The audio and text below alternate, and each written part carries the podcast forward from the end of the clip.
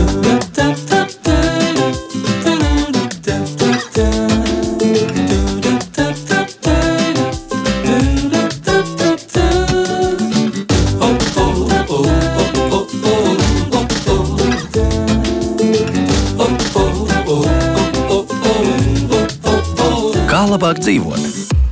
Jā, zinu, zinu, ka daudz sūkstas, ka karstuma par daudz, bet tūlīt varēsim bēdāties par to, ka vasara nu jau cauri un rudens sāla par garām un pamatīgām salnām arī būs klāta.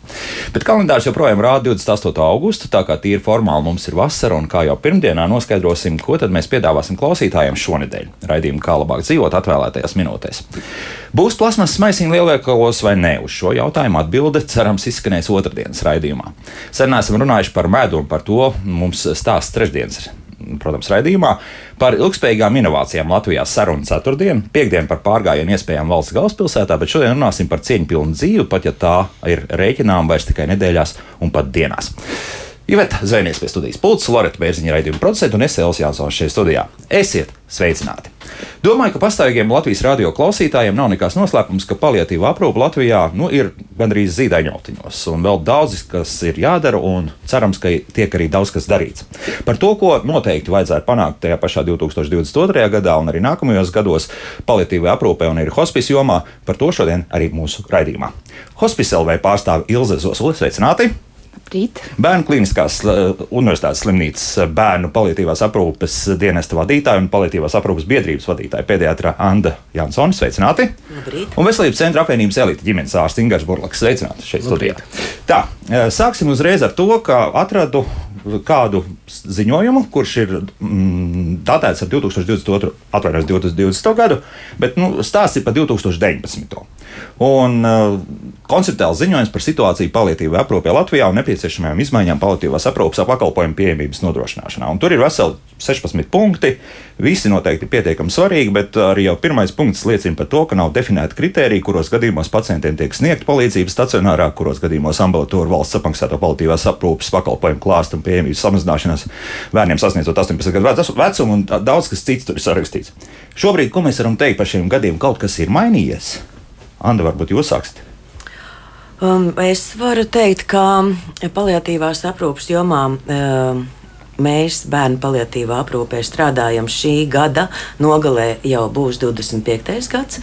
Uh, kolēģi um, onkoloģijas centrā, tagad tā, uh, Rīgas austrumslimnīcā, paliatīvās aprūpes nodaļā 30 gadi. Uh, mums Latvijā tātad šie pakalpojumu sniedzēji ir, bet viņi ir ļoti mazi. Uh, kas ir mainījies? Jūs minējāt šo konceptuālo ziņojumu. Um, mainījies ir īstenībā tas, ka um, ir ļoti grūti šos cilvēku resursus atrast, kuri iesaistās strādājot šajā jomā, jo tā ir ļoti smaga. Jo uzreiz es piebildīšu, Jā. ka šajā ziņojumā tika rakstīts, ka arī, diemžēl, apmācības, nu, respektīvi, mācībās nu, nestudēt vienkārši cilvēki ne, nevēlas nemaz iet uz um, šo no jā, mums, ir, mums jau ir um, daudzus gadus iespējama rezidentūra paliatīvā aprūpē, bet, diemžēl, jaunie speciālisti neizvēlās šo apakšspecialitāti. Bet izdarīts ir ļoti daudz ir uh, sakārtota bērnu palietīvā aprūpe uh, organizatoriskā līmenī un tiek sniegta maksimāli visiem, kam viņi ir pie, nepieciešama. Bet, protams, uh, kā jūs arī minējāt raidījuma sākumā, ir ļoti liels darbs veicams vēl pie sakārtošanas, sistēmiska palietīvās aprūpes sakārtošana, kur mums ir likumdošana, normatīvā aktu bāze, kur mums ir um, īstermiņa stratēģija, kur mēs esam, kādi ir pirmie šī gada soļi, nākamā un ilgtermiņa. Un es domāju, ka, kā es to redzu šo daudzo mm, gadu garumā, ka lielākais klupšanas akmens, kādēļ mēs nevirzamies uz priekšu, ir. Um, stagnācija, nevēlēšanās sakārtot mūsu likumdošanas bāzi, normatīvo aktu bāzi. Jā, tā, tā, tas ir viens no tiem punktiem, ka normatīvi akti nav sakārtoti. Kāpēc? Tas tāpēc, ka vienkārši daudz kaut kur trūka un, un tāpēc nav naudas, un mēs arī neko nedarīsim. Uh, nu, redzat, šī joma mm, ir. Uh, Viņa ir ļoti sensitīva. Uh, tas ir viens. Otrs ir, uh, ir iestrādāti mūsu ministru kabineta noteikumos gan veselības ministrijas pusē, gan labklājības ministrijas pusē, um, bet, diemžēl, paliatīvā aprūpe ir tik specifiska un paskaidrošu kādēļ. Tādēļ, ka viņas pamats, kas veic šo pakalpojumu, ir starpdisciplināra dažādu speciālistu komanda. Mm -hmm. Un proti, mediķi šajā komandā ir veselības ministrijas darbinieki nu, no šīs jomas, um, savukārt kapelāns un sociālais darbinieks ir no labklājības. Un mēs esam divu ministriju pārziņā. Tātad, ko mēs esam darījuši šo gadu garumā? Mēs esam, um, tās ir ilgtermiņa, mūžīgas sarunas par to, kā sakoordinēt abu ministriju darbību, kā no abiem šiem budžetiem panākt uh, vajadzīgo finansējumu pakalpojumam un kā uzrakstīt un saveidot normatīvo aktu bāzi, uh, kas mums derētu uh, šai paliatīvai aprūpei. Jo mēs esam divu ministrija pakļautība. Nu, kā jums sokas ar to? Uh, nu, patreiz ir um, maija mēnesī. Mēs esam uh, arī šeit klātesošie sagatavojām. Mēs kopā ar palietīvās aprūpas speciālistiem, kopā ar um, mūsu Latvijas lielo slimnīcu valdes priekšstādētājiem, ar dažādu um, uh, profesionālo asociāciju un uh, nevalstisko organizāciju tīkla organizācijām, kas sniedz pakalpojumu sagatavojām vēstuli ar pamatojumu, kādēļ mums Latvijā nepieciešams ir paliatīvās aprūpes likums, kādēļ vajadzīgs tātad, ko viņš mums atrisinātu. Un patreiz um, tika arī šī vēstule nosūtīta. Um, ar veselības ministriju mums ir sākušās lūk šīs pirmās pārunas. Um, ļoti ceram, ka arī šajā priekšvēlēšanu laikā mēs varēsim tikties ar uh, nākamajiem um, nākamajiem potenciāliem deputātiem. Deputātiem jā. jā, un stāstīt par to arī varbūt Ilza vēlāk. Protams, jā. jo tātad mums ir vajadzīgs bāzes dokuments, kurš beidzot ļoti skaidri un īsi un kompakti pateikt kas ir paliatīvā aprūpe, kas to sniedz, kādas ir minimālās prasības. Jo tālāk, protams, mums būs šie ministru kabineta noteikumi. Mm -hmm. Bet, ja mums ir likums, ir pateicis skaidri, tad pretī mums ir jāieplāno valsts finansējums. Un ideālākais variants, ja tas būtu uh, finansējums, kas jau ir um, gan uh, valsts uh, plānots. Um, budžets, paliatīvai aprūpei. Nevis, eh, kad iedod veselības pusē, labklājības, un tad abas puses cīnās, nu, kur ta, kurai tā vairāk ir jādod. Jo ja? tāpat skaidrs, ka naudas nepietiks. Naudas visam, ja? nepietiks, jā. Mm -hmm. Un arī, ja mēs uh, plānojam tālāk šos strateģiskos soļus, tad ļoti precīzi ko mēs varam patreiz atļauties, kā mēs redzam attīstību, kādu mērķu grupu mēs ņemam pakāpeniski pieaugušiem klāt, tā lai šī aptvere pakāpeniski būtu maksimāli e, draudzīgāka, pieejamāka mūsu pacientiem. Labi, tā, līdz tam vēl tiksim, bet tagad uh, sāksim varbūt no otra gala, ja, par to, ka arī šajā ziņojumā parādās uh, tāds viens no pirmajiem tekstiem, ko var atrast, ir tas, ka cilvēki labprāt šo visu saņemtu mājās jā, paliatīvo aprūpi.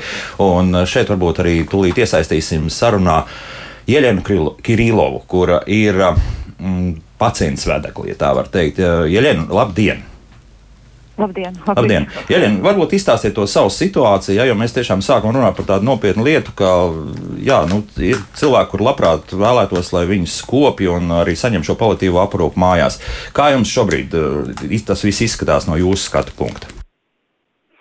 Uh, nu, sakšu ar to, ka man laikam va, visvairāk būs emocijas, jā, mana, uh, mana viedokļa un mana saruna.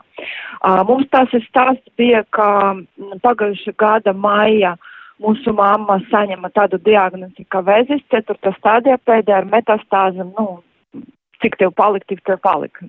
Viens deva mēnesi, otrs deva bišķiņu vairāk, viņa dzīvoja gadu. Un dzīvot to grūti nosaukt, jo tas bērni visi ļoti grūti. Un principā mēs ģimenes locekli tikam galā, uh, nu, mēs, mēs visi kopā cīnījāmies par to, palīdzējām un izgājām šo ceļu vieni. Jo, kā jau minēja uh, cienījama doktora ārste, jā, mums, nu, es teiktu, ka mums gandrīz neeksistē ne politīva aprūpe, ne tāda medicīna, kas var, mm, nu, palīdz mums palīdz, jā, mēs saņem kādu palīdzību, bet uh, nepietiekoša līmeni. Uh, pastāstīšu, ko es, uh, ko, ko es uh, saprotu par to pietiekošu līmeni. Sāksim ar to, ka, kad cilvēks sastopas ar tādu diagnozi, ar tādu slimību, viņam nav ne sajūsmas, nekādas zināšanas, kur viņam zvanīt, kur viņam iet, kādas viņam ir tiesības. Uh, kur var un par kādu naudu var iziet izmeklējumus. Rindas ir garas mēnešus. Mums bija jā, jāiziet izmeklējumus, uh, tur kolonoskopija un viss. Rinda ir visur slimnīcas par maksu mēnešus ilgus. Uh, mēs atradām tur par maksu, tas maksā 700 eiro kolonoskopiju. Jūs varat iedomāties, kurš var atļauties maksāt šo naudu. Uh, otrkārt, uh, kad mēs jau sastopamies ar to, ka cilvēks ir guļošs un viņam vajag ne tikai aprūpe, bet tieši medicīniskā speciāla aprūpe, zinat, ko dot, kādas zāles dot, kura brīdi, kā aprūpēt tas, um, tas izveidojas, kas ir ķermeni un viss. Arī mēs nezinām, kur griezties. Tu zvani, uh, visas masas ir aizņemtas, uh, nevar likt sistēmas neko. Un uh, arī mm, viena no lielākajām problēmām, kā, nu, kas ir pirmais solis, tev jāiet pie ģimenes ārsta, bet ģimenes ārste arī vai nu nav izglītoti šī jautājuma, vai nu viņam nav uh, laika un spēku uh, tiem, uh, tiem pacientiem vēl, tad, kam ir speciālas jau jāvajadzības. Un mēs sastopamies ar to, ka principā mēs arī palikam bez ģimenes ārsta palīdzības, ja viņi neko nevarēja mums nu, ne pastāstīt, ne, ne pastāstīt par mūsu tiesībām, ne, ne izrekt normālas sūtījumus. Mēs arī par nu, daudz ko par naudu vienkārši mēs maksājam tas 40 eiro par apmeklējumu, lai sameklētu speciālistu. Uh, un um, es saku, es jau, es jau zinu, ka mums nekādas tādas iestādes kā hospice vai nu, tāda speciāla iestāde, kas nodarbotas tieši ar tādiem slimniekiem, kam jau ir diagnoze un ārstešana jau nav vajadzīga, viņš nevar iet slimnīca, jo slimnīca neko nevar izdarīt. Mums Latvija neeksistē. Uh, tas, tas nozīmē, ka mm, tu vienkārši nezini, kur zvanīt un kur tev iet. Un paldies Dievam, uh, kā jau pēdējās dienas, tas bija gandrīz uh, divas mēnešas pirms mammas aiziešanas, es nejauši uzvanīju tad hospice LV, jā, ko es atrodu, tur es saņemu buklētiņu, atrodu slimnīca, un es vienkārši bez nekādas cerības piezvanīju. Un es jums pateikšu godīgi, mēs daudz uh, caur ko izgājām par šo visu laiku par gadu. Un man pirmo reizi bija šoks, jo es biju gatava visam, bet man bija laba ziņa šoks, jo es sastopas ar atsaucīgiem, uh, profesionāliem cilvēkiem, kuri jau aiznekamajā dienā pēc manas zvana, vienkārši tāda, nu, kā saka, halodzi zvanok, uh, viņi jau bija pie mums mājās. Pie mums bija uh, polētīvas aprūpes uh, speciāliste, doktore no strādājas slimnīcas, doktore Albiņa bija pie mums mājās. Jūs varat iedomāties, cilvēks atbrauca pie mums. Bija Inga, kas uh, vāda šo visu pasakumu no hospitālē puses. Un pirmo reizi ar mums runāja, mums paskaidroja par stāvokli, mums paskaidroja par slimības gaiti, mums paskaidroja, kā mums labāk rīkoties, mums izkoriģēja uh, dāļu devi. Uh, tas, tas bija pirmais solis, un es saku, mums jau bija liels atvieglojums. Uh, tad uh, kad mums bija vajadzība jau pēdējās dienas, kad cilvēks palika guļošs pilnīgi un vajadzēja aprūpē visprimitīvākā līmenī. Uh, pie mums sūtīja arī sociālu darbinieku. Un tas bija, nu, es saku, tas visbrīnišķīgais sieviete, ko es satikusi dzīvē, kas, uh, kas deva vislabāko aprūpi un atteiksmi mūsu mammai un izdarīja visu, ko vajadzēja un pat vairāk. Un, Un uh, tas bija visi pa, pa, bez naudas. Es, es nevaru arī noticēt, mēs nemaksājam ne, nevienu santīmu par to, tas bija bezmaksas. Plus, uh, kad mums arī bija uh, liels jautājums par, um, par izveidojumu ķermenim, kā to apstrādāt, uh, kā to nu, nevis ārstēt, bet ko darīt, viņi tur viņa asiņoja. Uh, pie mums atbrauca ķirurgs no slimnīcas, jūs varat iedomāties, un tas viss ir darbs no hospice LV puses. Uh, par iepriekšējo periodu, kas gandrīz gads bija, mēs pat, nu, es nezinu, pat vienu procentu nesaņēma tādu palīdzību un tādu paskaidrošanu un tādu, un tādu atteiksmi no, no izstādes um, puses, jā, puses, jā. Mm -hmm, šis jā, vis, jā. Mm -hmm. Tā tad, tā tad vienkārši runājot, bija tikai jāzina telefona numurs, vai tomēr tur ir kaut kādi vēl noteikumi, kas uh, ir jāievēro un būtu jāievēro, kāpēc pēkšņi notika šādas straujas pārmaiņas. Kas tā var piezvanīt, pastāstīt un saņemt palīdzību. Tā vienkārši bija zvans Es sāku stāstīt, bet Inga, nu, es uh, runāju ar Ingu uzreiz. Uh, viņa man saprata pat labāk, nekā es varu paskaidrot. Viņa vienkārši ķera manu vārdu, jau, un viņa jau saprata situāciju, un saku, aiznakamā diena viņa bija pie mums. Bez nekādam saistībām, bez nekādam maksam, neko. Vienkārši viss arī tā arī notika, jā? Jāsaka, jā, jā. es patikšu mm. vēl vairāk. Teiksim, cilvēkam vajadzēja speciālas uh, um, ierīces, tas medicīniska gulta, tur ratiņi, jā, nu, nu, nu viss, kas, kas vajadzētu cilvēkam, kas nevar ne staigāt, jā, ne, ne kustīties normāli. Arī jau nākamajā nedēļa mums tika atvēsts medicīniska gulta, speciāls matrācis no nu, tas izgulējumiem, kas um, palīdz. Tas arī bija man šoks, jo, uh, kad iepriekš uh, kad iepriekš es sastapos ar to, tu sazvani visas iestādes, kas nodarbojas ar nomu vai pārdošanu tam rīkiem. Tu nevari dabūt pat par naudu, tu nevari nopirkt, vienkārši viņa nav noliktava, viņa nav pieejama. Ko cilvēkam darīt? Vat, ko mums darīt? Jā, nu šo jautājumu mēs arī mēģināsim šodien atbildēt. Jēn, paldies par jūsu stāstu par šo pieredzi, kas, nu, finālā, ja tā var teikt, tomēr veiksmīgi arī viss beidzās, nu, vairāk vai mazāk, ja tā mēs varam teikt. Eh, dzirdējām Ielēnu Kirīlovu, kur ir izgājusi nu, pietiekami pamatīgiem ielas lokiem eh, cauri, lai, lai panākt to, lai, lai mammai tomēr viss būtu labi. Jā, nu, paldies, lai šodien veids visos darbiņos, kas jādara, un, un arī lai veselība kurs un vispārējais. Mēs turpināsim šeit sarunu studijā. Eh, pirms mēs ķeramies pie hospice lietām, es Ingaram jautāšu, nu, re, tad bija pārmetums par eh, ģimenes ārstiem. Tiešām ir tik slikti? Tiešām sievietē tāds ļoti grūts ceļš bija jāiziet.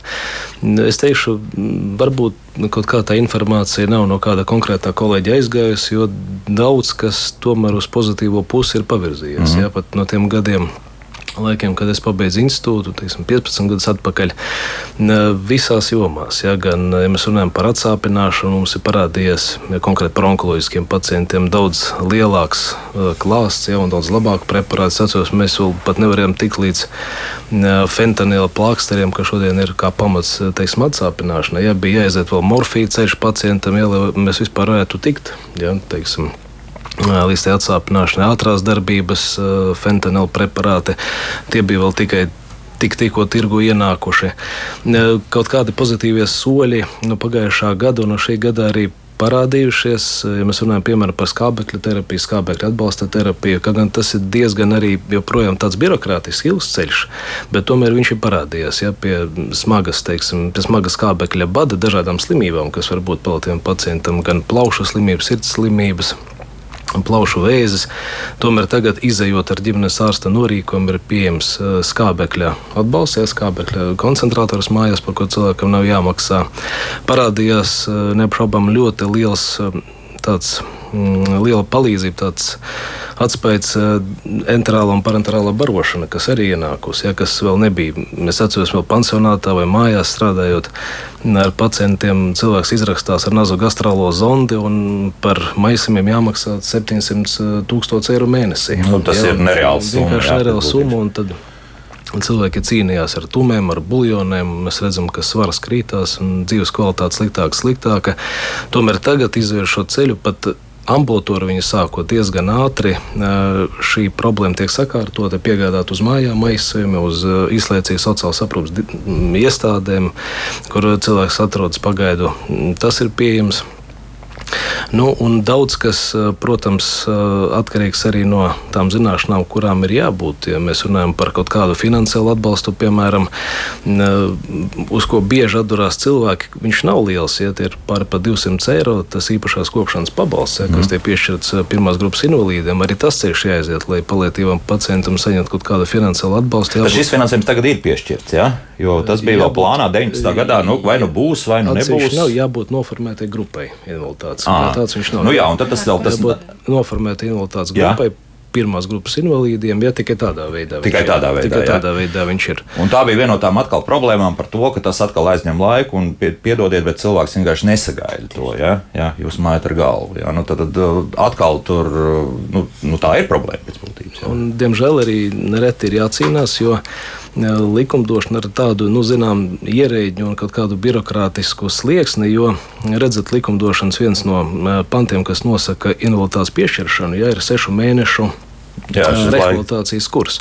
Un šeit atkal jāzina un jāspēj, diemžēl, vēl cīnīties par cilvēku, rakstīt kaut kādas apelācijas un uz pārskatīšanu, jo tie paši ministra kabineta noteikumi paredz iespēju piešķirt invaliditāti ātrāk, negaidot sešus mēnešus, ja invaliditāte jau ir nepārprotama. Ja, tāpat tās ir iespēja arī, ja nav kaut kāda skaidra uh, ekspertam uh, bilde, vai cilvēks ir invalīds vai ir iespēja arī apskatīt cilvēku klātienē. Arī tas mm -hmm. likumdošanai paredzēts, atkal mm, nu, jau tam jāiet cauri. Plus jācīnās. ārsta koncilijas, kurš vēl jāsasauc. Jā, nu, tas, Tas, tas, bija šins, tas bija šis šeit atkal tas labklājības ministrijas lauciņš, mm -hmm. Kad, diemžēl, nu, jāsitās cauri. Jā, tas cauri. Jā, bet tomēr vēl par to. Nu, Vai ģimenes ārsts var vi- izdarīt visu tā, lai neatkārtotos šajā gadījumā Ieļenas mammas stāsts? Jā?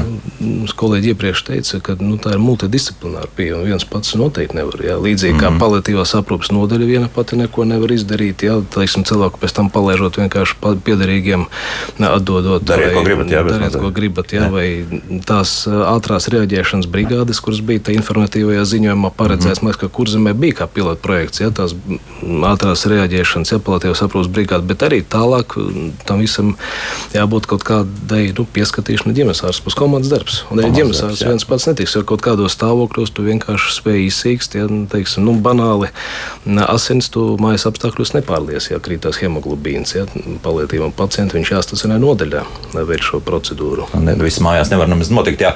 Bet, Ilzi, tomēr, kas notika lūk, šajā stāstā? Pēkšņi šis brīnumainās pārvērtības. Kā tas ir iespējams? Kā tas bija iespējams? Tā jāsaka. Vai ir joprojām iespējams? Jā, e, tās brīnumainās pārvērtības e, notika tajā brīdī, pagājušā gada e, rudenī. Mums izdevās Labklājības ministrijā gūt atsaucību, un Labklājības ministrija no 1. oktobra uzsāka pilotu projektu pieaugušo pacientu hospice aprūpu mājas apstākļos. Ja? Un Rīgā un Pierīgā. Diemžēl finansējums neatļāva lielāku šo aptveri. Un, eh, tā kā mēs bijām eh, jau eh, kā sabiedriskā organizācija nodarbojusies ar hospice aprūpi mājās pie mūsu klientiem par ziedotajiem līdzekļiem, mums jau bija savs priekšstats, mēs bijām visus jau kursus, visas apmācības izlasi, izla, izgājuši, kas vien Latvijā ir ar visiem speciālistiem izrunājuši. Mēs redzējām, tā ir mūsu arī šīs sabiedriskās organizācijas galvenais mērķis. Uh, nu, viens no galvenajiem mērķiem Tātad šī te vispārējā izglītošana par hospice aprūpas nepieciešamību. Un, uh, mēs bijām diezgan daudz darījuši un pieteicāmies šajā konkursā un ieguvām šo iespēju. Un, uh, un tā mēs no 1. oktobra pagājušā gada uz šo brīdi mums ir uh, bijuši noslēgti līgumi ar 115 jau uh, pacientiem un viņu ģimenēm Rīgā un Pierīgā. Tas nav maz, bet uzreiz skatoties Jā. tos kopējos skaidrus, tie ir nu, es tā pavisam ātri skatoties, nu, vismaz ir pāris tūkstoši cilvēki, jā, šobrīd, ka, kuriem vajadzētu būt nepieciešama paliatīva aprūpe. Apmēram tie Jā, skaitļi pēc, tādi ir. jā. arī pēc mūsu šī te, mums ir arī ierobežojums. Ja, tā kā šie ir budžeta līdzekļi, protams, mm. ka mums ir ierobežojumi. Mums ir vidējais pacientu skaits mēnesī ir ap desmit pacienti. Ja, Desmit unikālie. jā. Mhm. Jā, mums, protams, ir rinda, bet uh, mēs redzam, ka tā rinda nav tik gara, lai, piemēram, ar dubultotu, piemēram, to finansējumu, piemēram, Rīgas un Pierības vajadzības varētu aptvert. Ja? Un ko es gribu pateikt, ka varbūt um, tā ir viena tāda. Mm, Liela atšķirība no paliatīvā aprūpē un hospice aprūpē. Hospice aprūpe tomēr ir uh, cilvēka tieši pirms nāves aprūpe. Ja. Mūsu aprūpē pacienti vidējais uh, dienu skaits ir 17 dienas. Tikai, ja. Jā, parasti tās ir vispār, piemēram, 7 dienas pēdējās. Ja. Tādēļ man bija ļoti, faktiski, īstenībā ļoti krestomātisks Jeļenas stāstītais piemērs ja, par to, ka cilvēks ir izgājis visu vēl paldies Gada Dievam. garumā gandrīz, jā, jā. jā, un paldies Dievam, ka ir bijis tāds cilvēks aktīvs, kurš meklē, kurš prasa, kurš zvana, ko, ko es varu dabūt, ko es varu, kas man ir pavelti, kas nav pavelti. Kad, bet ne jau vienmēr ir tāda situācija. Šī jau vēl ir, eh, kur var redzēt, ka ir ģimenes atbalsts bijis lielisks. Ja? Mums jau ir daudz pacienti, kas ir eh, vientuļi vai kur ir eh, otra, piemēram, aprūps, nu, teiksim, cilvēks, ar ko dzīvo kopā, ir, ir pats teiksim, pašam ir vajadzīgs atbalsts. Ja? Tā kā šis te faktiski piemērs parāda, ka ir ļoti svarīgi, um, lai būtu šī informācija, lai būtu palietīvām nodaļām, ka tad, kad izraksta, tad, kad medicīniski iejaukšanās vairs faktiski nekā palīdzēt, uzlabot vai, vai, vai atjaunot cilvēkam stāvokli, nevar ir vajadzīgs tiešām uh, rūpīgs, uh, zinošs šī hospisa aprūpe, pirmsnāves aprūpe, kur cilvēkam tiek komanda, kuras zina, kas ir vajadzīgs, jo ģimene jau parasti satiekās vai nu pirmoreiz vai otroreiz, nav jau mūsu visu. Teiksim, tajā dzīves gaitā tik daudz to nāvju, ja, kas mums ir pavisam cieši. Tie bieži vien ir tur vai, vai vecāki vai vecvecāki. Ja. Nav tādas pieredzes. Tādēļ šī mūsu komanda mums faktiski bija šī te, e, un ir joprojām līdz gada beigām. Kas būs tālāk, tas ir liels jautājums. Atkal kārtīgi reizi, tad uh, jā. būs jācīnās par kaut kādiem. Tas ir, mēs, jā. jā, tas ir atsevišķs tāds. Mēs, protams, tagad arī esam uzsākuši tādu tikšanos sēriju, ko jūs arī, ko doktori pieminēja. Mēs ejam pie visiem politiķiem, kamēr viņi šobrīd pirms. Karsti, jā, jā, jā, karsti, ir gatavi. Mēs kaut ko ir gatavi solīt. Jā. Uz, uzklausīt. Nu, es domāju, ka ļoti svarīgi ir tieši runāt par to, jo um, un stāstīt par šo, te, par šo te pakalpojumu nepieciešamību. Jo tā kā mums vispār mūsu sabiedrībā runāšana par nāvi ir liels tabū, liel, ļoti daudz aizspriedumu par to ir un uh, liela nevēlēšanās par to runāt un domāt. Ja. Tādēļ man ļoti faktiski simpatizēs, par to pabeigšu, tas, ko jūs uh, pašā mūsu sarunas sākumā teicāt, kad ir uh, faktiski kopējā tēma visai šai sarunai ir par šo cie, cieņpilno dzīvi un cieņpilno aiziešanu no dzīves. Ja. Mhm. Kā teica viena no mūsu pacientēm, klientēm, kas arī ir uh, mirusi, viņa teica, ka uh, Kā tas var būt, kad, uh, ja ir ugunsgrēks, tad brauc ugunsdzēsēji, ja ir kaut kāds notikums, nezinu, uz ielas, tad brauc policija.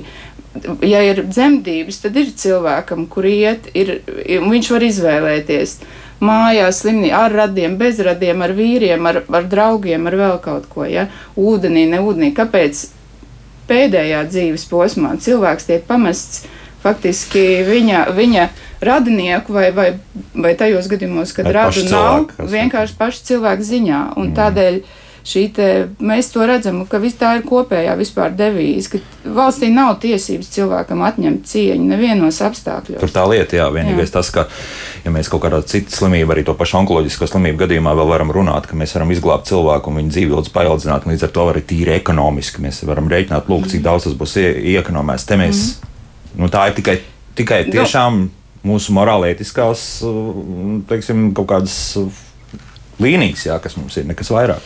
Nu, tieši tā, nu, droši vien, ka doktor Jansons to zina labāk par mani, ka faktiski ļoti daudzās uh, sfērās tieši ģimenei tiek, varētu teikt, uzgrūst, ja viss tas smagums aprūps un, un, un ne, ne tikai palietīvās aprūpas gadījumā, bet arī citos. Un, un šajā gadījumā, ja vispār val, no valsts puses nav pakalpojumu hospice aprūpe, tad tad jau viņa arī nav. Ja? Tad, tā, ko jūs sakiet, bet tur pavarās vesela tāda Pandoras lāde, tur ir šī ne, nelegālā nodarbinātība, jo kur cilvēks zvana, ja viņam, es nezinu, mamma vai, vai tēvs vai, vai tante ir tādā situācijā, zvana uh, kaut medicīnas uh, personālam, kas nāk uz mājām, kāda viņiem ir kvalifikācija, kā viņiem tiek maksāts, tas liels jautājums. Ja?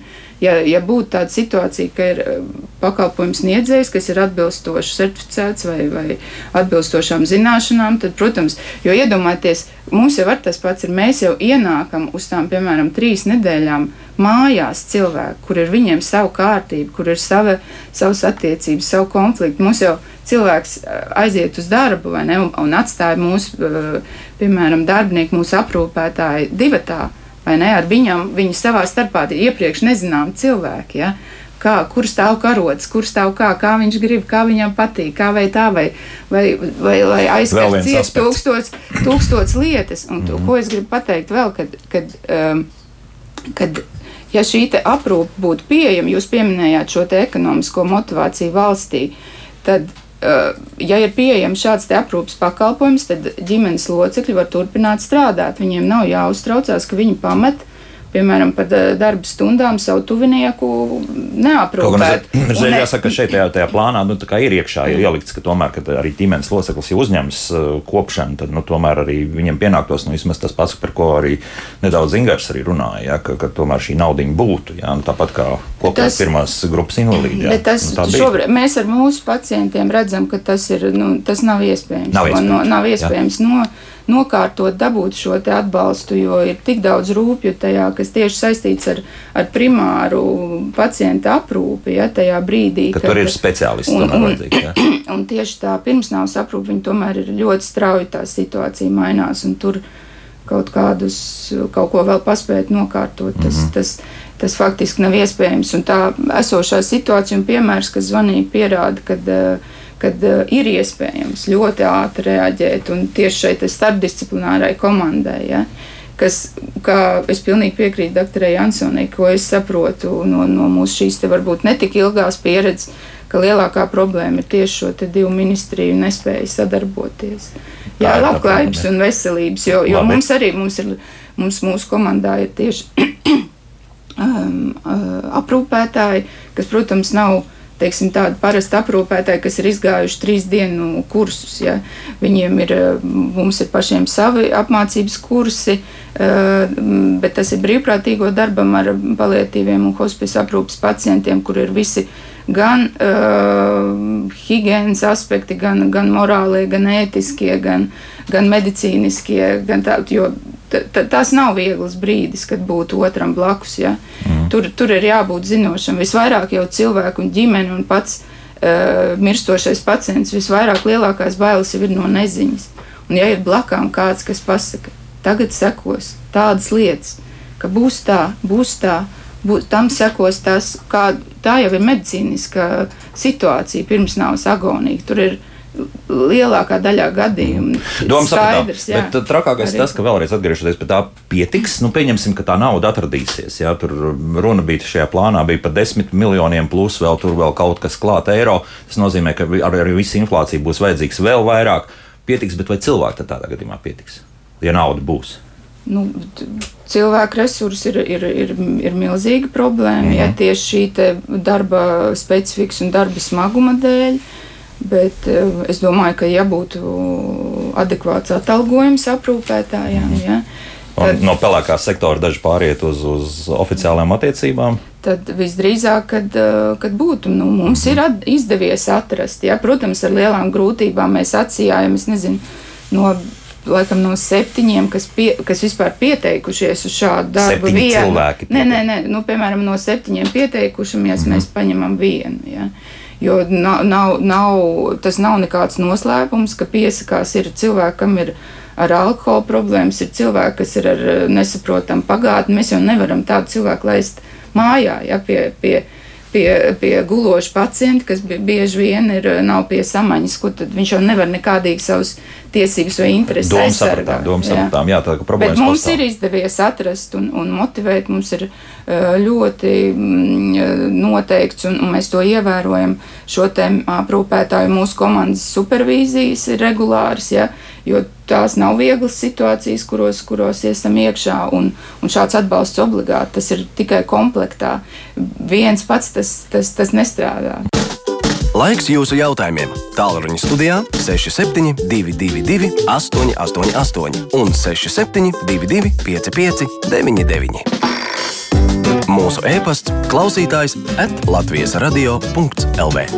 Nu, un, protams, atcerēsimies, ka mājaslapā arī darbojas Latvijas radio.CLV. Tur tālāk jāatrod radio viens un raidījumu, kā labāk dzīvot. Ja ir kas rakstāms, un varbūt arī kādi jautājumi vai arī komentāri par to, par ko mēs šodien runājam, mēs runājam par paliatīvu aprūpu Latvijā šobrīd, 2022. gads, cik tālu esam tikuši, un jau esam noskaidrojuši, ka vēl ir milzīgi daudz darba darāms, daudz naudas ir vajadzīgs, un arī cilvēku resursi ir vajadzīgi. Tāpēc šobrīd esmu sazinājies arī ar Ingu Nelūbiņu, kuri hospice sociālā darbinīca. Inga, sveicināti! Labrīt! Inga, cik eh, jau sen jūs nodarbojaties ar, ar tieši ar šādām hospice lietām? Jā, kopš šī gada aprīļa mēneša esmu hospice māja komandas dalībnieks. Tā kā praktiski pāris mēneši. Ja? Jūsu tā, arī novērojumi un eh, par to, nu, kas šajos mēnešos ir redzēts, un varbūt arī tas, kas ir visvairāk sasāpējis jums. Jā, nu, es esmu tā persona, kura saņem zvanu kura dzird tos pirmos stāstus, tās vajadzības, kuras ir tuviniekiem, jo parasti klienti un pacienti paši nezvana, jo stāvoklis viņiem vairs neļauj. Un tā lielākā sāpe ir par to, ka cilvēki, būdams saslimuši, nesaprot tiešām, kur iet un kur griezties un kādas viņiem ir tiesības un, un kur viņas vispār realizēt. Un teikšu vēl vienu lietu, ka mēs nodrošinam hospice aprūpi dzīves vietā cilvēkiem, kuriem ir tuvinieki, bet ir novērots arī tas, ka cilvēki ir vientuļi, kuriem nepieciešama tāda aprūpe un tāda palīdzība. Un, um, nu, es jūtu, ka ir nepieciešams stacionārs, kur viņi tādu aprūpi varētu dabūt nevis 8 stundas diennaktī, bet 24 stundas. Jā. Tas ir tas, kas, uh, jū, ko jūs esat pamanījusi, un faktiski pie kā arī vajadzētu strādāt. Ja? Tātad stacionārs jā. pēc būtības ja, ir vajadzīgs. Noteikti. Uh, es to saskatu uh, tādā veidā, noteikti aprūpi dzīves vietā hospice pacientiem, noteikti stacionārs un sava veida mobilā brigāde, kur cilvēki varētu saņemt akūti vajadzīgu palīdzību. Nu, grūti tagad uh, iedomāties un aprakstīt, uh, ka, kā tā varētu būt, bet uh, jā. Tā, tas ir tas galvenais. Um, uh -huh. Inga, kas palīdz jums neizdegt šādā darbā? Jo skaidrs viens, ka nepārtraukti ir jāsaskars ar, ar, nu, ar diezgan, nu, mēs saprotam, jā, ka tās nav nekādā uh -huh. gadījumā ne, pozitīvas emocijas. Jā, tas ir, protams, tur ir daudz negāciju. Uh, bet ir tajā visā arī pozitīvas emocijas. Uh, tuvinieki zvana un tuvinieki uh, stāsta un ir pateicīgi bezgala par mūsu līdzdalību. Uh, arī komanda, kurā es strādāju, ir vienkārši fantastiska, augstākā līmeņa profesionāļi. Uh, supervīzijas uh, noteikti ir. Uh, ļoti noderīgas, jo gadījumi ir dažādi, kā jau Ilza minēja, un uh, par to ir jārunā. Uh, jo vairāk runā, jo vairāk palīdz. Arī tās arī sarunas. Ja? Inga, paldies! Jā, nu, lai veids jums arī visā šajā grūtajā darbā, arī šodien, lai pēc iespējas mazāk, laikam, jau to jāsaka, to zvanu būtu. Bet, nu, tomēr Inga Nelūbiņa bija kopā ar mums attālināti hospice sociālā darbiniece, un mēs turpinām mūsu sarunu šajā studijā, bet paklausīsimies arī kādu klausītāju, kas mums ir piezvanījis. Lūdzu, jūs varat runāt? Labrīt! Es jau kopju savu mammu 11 gadus. Viņa ir pirmā grupas invalīde. Un es varu pateikt, ka ļoti lielas grūtības sagādā tieši apkalpojošā personāla neatsaucība. Piemēram, ģimenes ārsti nespēja laikā pagarināt e, grupas pensiju un kopšanas pabalstu. Un tad arī es saskāros ar tādu situāciju, es ar mammu biju slimnīcā un vajadzēja pagarināt skābekļa koncentratoru. Un man tā ārstējošā doktora atbild tā. Nu, ko jūs izdomājat, ka jūsu mammai trūks skābeklis? Bet tajā brīdī, kad izmēra tas skābekļa līmenis, eh, tur ir jābūt ļoti precīzam mērījumam, ja, ja cilvēku kustina tajā brīdī varbūt viņš ir augstāks, bet naktīs, tieši naktīs viņš krītās, Un tad pacients ir jānogādā naktī un kādos 4-5 no rīta ir jāmēra skābeklis. Tāpēc jau arī plaušu daktore Žentiņa izteicās, ka tā ir gandrīz neiespējamā misija. It kā valsts piešķir to skābekļu koncentratoru, bet es jau trīs mēnešus darbojos gar to, lai tomēr saņemtu skābekļu koncentratoru no valsts, jo mēnesī tas izmaksā 50 eiro. Nu, Un jā. tāpat darba stāsts. Ja es kopju mammu 11 gadus, darba stāsts man netiek ieskaitīts. Tā kā ļoti daudz jautājumu, kurus vēl varētu apspriest. Paldies! Mhm, Paldies! Jā, vis, vislabāk, laimīgi. Jā. Nu, tas ir vēl viens tāds gadījums, tas ir ilgtermiņa, jā, faktiski tā kopšana. Mēs šeit runājam pat par krietni īsākiem laika sprīžiem. Jā, Tad tās tiešām ir dienas, bet atkal vēl viens, vēl viens stāsts par ģimenes ārstiem. Atkal tika pieminēta ģimenes ārsts, ka kaut kas, redz, nu, nav laikus izdarīts, nav laiks pagarināt, piemēram, tā invaliditāte. To, tas tiešām ir ģimenes ārsta atbildība, vai, vai tas ir Invaliditāte ir ģimenes ārsta atbildība neapšaubāmi. Nu, šeit arī cilvēka tāda dzīves stāsts, kā jūs pats pieminējāt par tādu ilgstošu palietību Mhm. aprūpi, mm -hmm. ja hospice, kā kolēģi pieminēja, tās vidēji 17 dienas mums Latvijā faktiski jau Jā. tuvu terminālu stāvoklim, ja, kad jākupē. Bet palietīva aprūpe, līdz kam vispār mēs pat netiekam, ja, ja mēs runājam par bērnu palietīvu aprūpi, onkoloģiju, pieaugušo palietīvu aprūpē, tad tomēr gan teorētiskās, gan praktiskās iemaņas ir ļoti augstā līmenī. Mums, es domāju, ka viņas stipri neatpaliek no Eiropas līmeņa. Tad eh, ne onkoloģisko pacientu palietīvu aprūpi, kas vēl lielāks spektrs, mēs saprotam, ka onkoloģiskie pacienti pieaugušiem sastāv tikai vienu trešdaļu No visiem, jā. no visiem. Jā, lielākā daļa tie ir gulošie insultnieki, ar paralizēti. Smagie sirds mazspējas pacienti, izkaisītā sklerozes virkne neiroloģisku patoloģiju, kur mēs runājam, tur vispār praktiski tādu speciālistu nav. Un kurš nodarbojas, teiksim, palietīvais speciālists kardioloģijā ja, vai palietīvais speciālists, teiksim, neiroloģijā. Un ne tikai cilvēku attiecīgi varbūt atsāpināt, nokurģēt viņam tur tūskas, sastrēgumu plaušās, šķidrumu, kontraktūru, izgulējumu, kaut kādu limfostāzes korekciju, pretizējumu matraču gultas, bet arī integrēt viņu dzīvē. Ja mēs, piemēram, runājam par to, ka cilvēks palietīvs, viņš var nodzīvot ja 10, 20, 30 gadus. Mm -hmm. ja, viņš var būt Es vienmēr esmu mācījies institūtā, ka man bija jautājums par palietīvu aprūpi. Cik es vienmēr domāju, no palietīva aprūpe, no fiziķis uh, Hokings, piemēram, ja? pasaules slavens fizikas teorētiķis. Viņš bija pilnībā līdz cilvēkam. Muskuļu atrofija viņam vai nemaldos, atrofija. Viņš pat nevarēja komunicēt ar speciālās ierīces palīdzību. Skaidrs, ka viņš bija pamperos, viņš paies pats nevarēja, ja? bet viņš bija vadošais uh, fiziķis savā jomā. Mm Mhm. un arī viedokļu līderis jā, pasaulē. Jā. viedokļu līderis. Tāpēc tā arī ir palietīva aprūpe. Mm. -hmm. ja mēs pat tai tēmai pat nevaram pieskarties vispār ierobežot resursu dēļ. Tas mums pat nav pat mūsu sarunas ne tēma, ne vispār valsts. Mm -hmm. Jo līdz pašai izpratnē. izpratnē jā. Jo līdz Zviedrijas līmenim kaut vai tā, tāds viens noklausīts stāsts publiskā vidē par to, ka jā, tas ir kaut kas pansionātam līdzīgs, nu, vai, vai to mēs sauksim par hospice vai nē, bet uh, tur brauc koncerts spēlēt cilvēku, un viņi atbrauc vienu gadu, pēc tam atbrauc otru gadu. Viņi redz vienu tie paši cilvēki, jā, viņiem ir sistēmas pielikts visdrīzākais, nu, vai tas ir morfijas vai, vai kaut kāda tāda atsāpinoša līdzeklis, bet tā viņi tur gadiem arī dzīvo un, un izskatās laimīgi. Jā, nu, tas laikam pie mums vēl pagaidām ir tālu. Jā. Jā, es gribu papildināt, ka tomēr tas ļoti daudz, kas tiek darīts. Dr. Jansons noteikti Jā, izstāstīs tagad par, par bērnu palietīvām nometnēm un tā tālāk. Bet tas, ko Hospice LV dara, mums ir šī brīvprātīgo apmācība. Tagad vesels kurs būs um, arī septembrī. Um, mēs jau senāk pusotru gadu mēs ejam uz uh, palietīvām nodaļām ar saviem brīvprātīgiem. Tie nav cilvēki no ielas, tie visi ir izgājuši šos apmācību, tie, tie zina, ko teikt. Mm -hmm. Ja kāds no palietīviem pacientiem grib aprunāties un nesaka viņam turies draudziņi, ja, bet uh, Tur ir plašāka saruna, Tur ja? ir, tur ir plašāk un tur ir pareizie uzsvari uz to, ka šodien ir jauka diena. Un, un mēs esam atnākuši pie jums ar, ar dziesmām, ar baloniem, ar, ar dzīslu lasījumiem, ar vēl kaut ko. To es gribu teikt, ka brīvprātīgo tā ir, tā ir viena no šīm lietām, ko, ko jūs sakiet, kas nenotiek, bet kas notiek. Mm -hmm. Mums, piemēram, ir brīvprātīgo grupa, kas katru trešdienu iet uz uh, Rīgas pirmās slimnīcas.